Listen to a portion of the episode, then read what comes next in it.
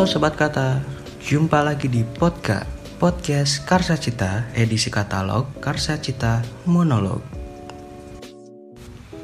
Sebelumnya, aku mau tanya kabar kalian dulu nih. Gimana kabarnya Sobat Kata? Aku harap kalian baik-baik saja ya. Jangan lupa untuk minum air putih, istirahat yang cukup, makan makanan yang bergizi, dan minum vitaminnya ya. Tetap jaga kesehatan kalian di tengah padatnya kesibukan. Karena kelihatannya sekarang lagi banyak yang sakit ya. Jadi aku harap semoga kalian sehat selalu. Oh iya, aku juga mau reminder untuk kalian agar selalu take a break kalau kalian merasa capek atau lelah. Hari ini kita akan membahas sesuatu terkait yang ada di bulan lalu. Loh, kok bulan lalu? Nah, jadi kalian tahu nggak sih di tanggal 10 bulan lalu, tepatnya bulan September itu ada peringatan hari apa ya? Ayo coba cek Google-nya masing-masing, ada peringatan apa di hari itu? Yap, 100 buat kalian yang jawab World Prevention Suicide Day atau Hari Pencegahan Bunuh Diri Sedunia. Nah, menurut WHO, diperkirakan sebanyak 703.000 orang per tahun melakukan bunuh diri di seluruh dunia. Dalam setiap kasusnya, kemungkinan ada 20 orang lain yang melakukan upaya bunuh diri dan lebih banyak lagi yang memiliki pemikiran serius untuk bunuh diri. Sobat kata, penyebab utama bunuh diri itu adalah depresi. Nah, depresi sendiri itu merupakan masalah kesehatan di masyarakat yang sangat serius loh. Menurut WHO lagi, depresi ini ada di urutan keempat penyakit di dunia dan diprediksi akan menjadi permasalahan gangguan kesehatan utama. Sebanyak 55% orang dengan depresi memiliki ide bunuh diri. Gejala depresi yang dapat menjadi faktor resiko bunuh diri itu di antaranya merasa tidak berguna, tidak ada harapan, atau putus asa. Lalu, apa aja sih tanda-tanda depresi itu? Depresi ini ditandai dengan adanya perasaan sedih, murung, lalu mengkritik diri sendiri, menyalahkan diri sendiri, memiliki perasaan tidak berharga, lalu kepercayaan diri kita menurun, lalu perasaan pesimis dan putus asa ya. Namun ada juga rasa malas, tidak bertenaga, dan menarik diri dari hubungan sosial. Bahkan, gangguan tidur seperti sulit tidur atau terbangun dini hari dan nafsu makan berkurang pun itu termasuk tanda depresi loh. Penderita depresi yang berat dapat menjadi frustasi dan memiliki keputusasaan sehingga memunculkan ide untuk menyakiti diri sendiri.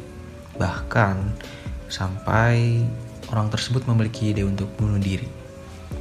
Didukung dari data WHO, angka bunuh diri akibat depresi ini bisa mencapai angka 1 juta per tahun di seluruh dunia.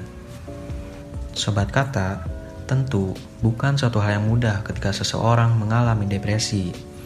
Dukungan dari orang sekitar tentu dibutuhkan oleh penyintas dalam proses perjalanan melawan depresi. Lalu, bagaimana ya cara kita untuk mendampingi dan merangkul mereka, para penyintas depresi?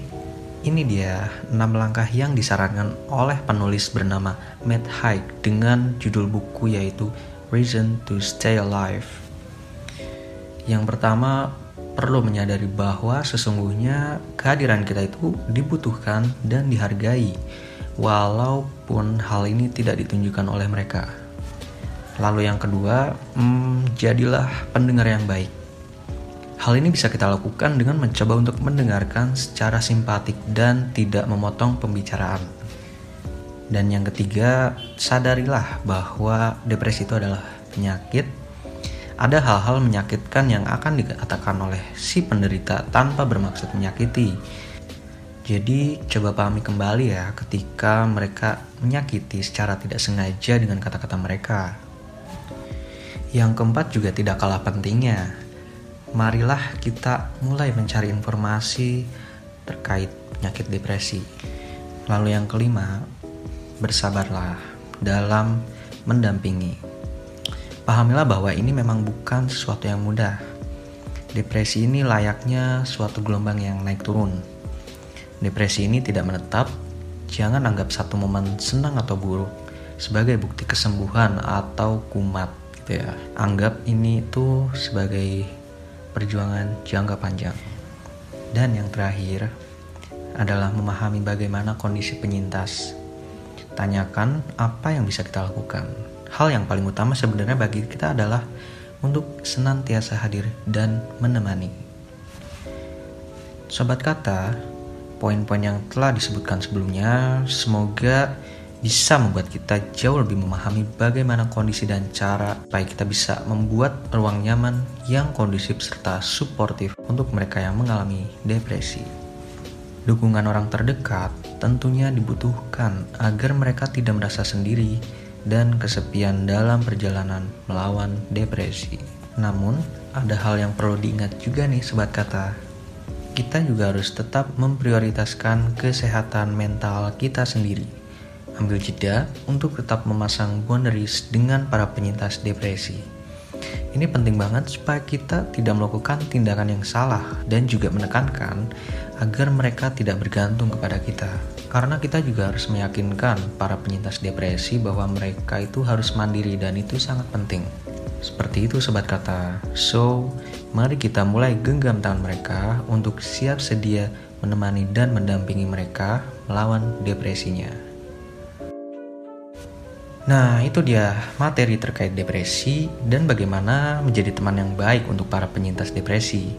Semoga bermanfaat. Sampai jumpa di episode podcast Karsa Cita selanjutnya. See you. Have a nice day, sobat kata.